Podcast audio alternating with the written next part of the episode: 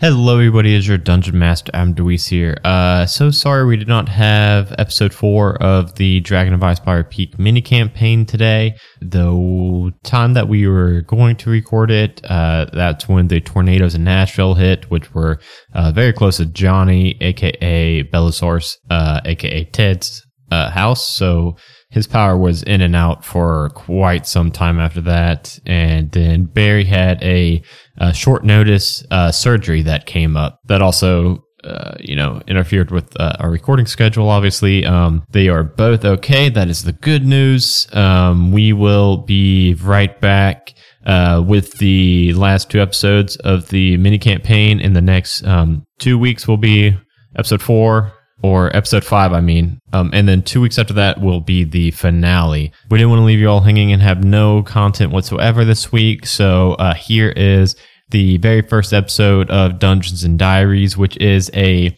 um, Patreon exclusive show that is bi weekly where we have different characters and NPCs from both this show and Halfway to Heroes narrate out a journal entry. It's called Dungeons and Diaries.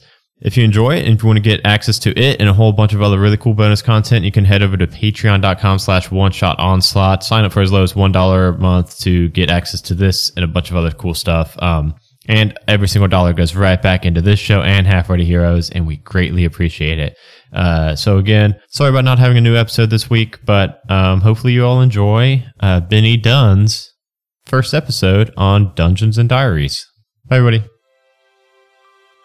Uh, hey, Gerald.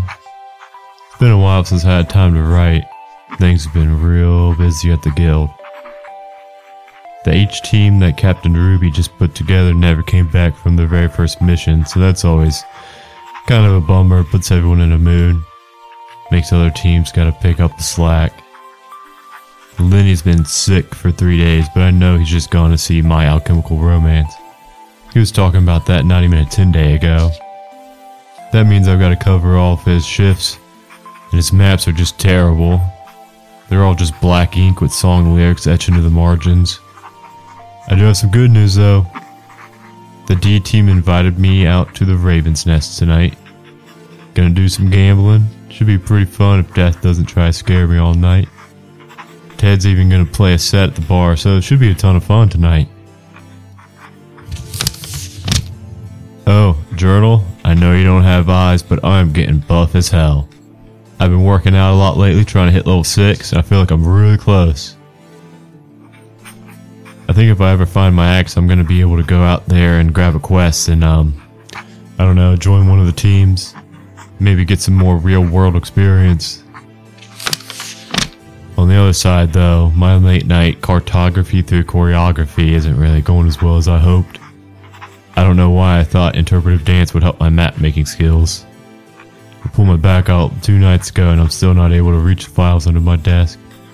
I gotta use my little helper stick. I have to just call it quits on this class and go back to being self taught. Feel like I was really making headway with the colored pencils anyway.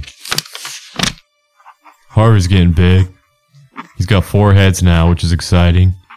I'm not sure how much longer I'll be able to keep them a secret. They're getting a little too big to be kept in my room. I know I should let them go, but I don't know. I feel like they really like me, and it just it's getting hard. Big news! The first annual Ravens Point Fair is a 10 day away. We're going to be shutting down the guild for the day, since a lot of us are going to be helping out. I managed to hide out while everybody else was volunteering, so I'm going to get to spend the whole day just having fun and eating some of that good, good funnel cake. Rumor has it that Volo's going to be there doing a book signing, so I don't know, maybe I'll go ahead and pick up my sister something for Winter Miss so I don't have to worry about shopping.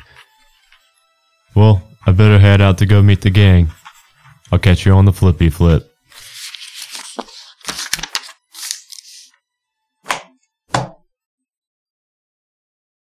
A Majestic Goose podcast. Honk.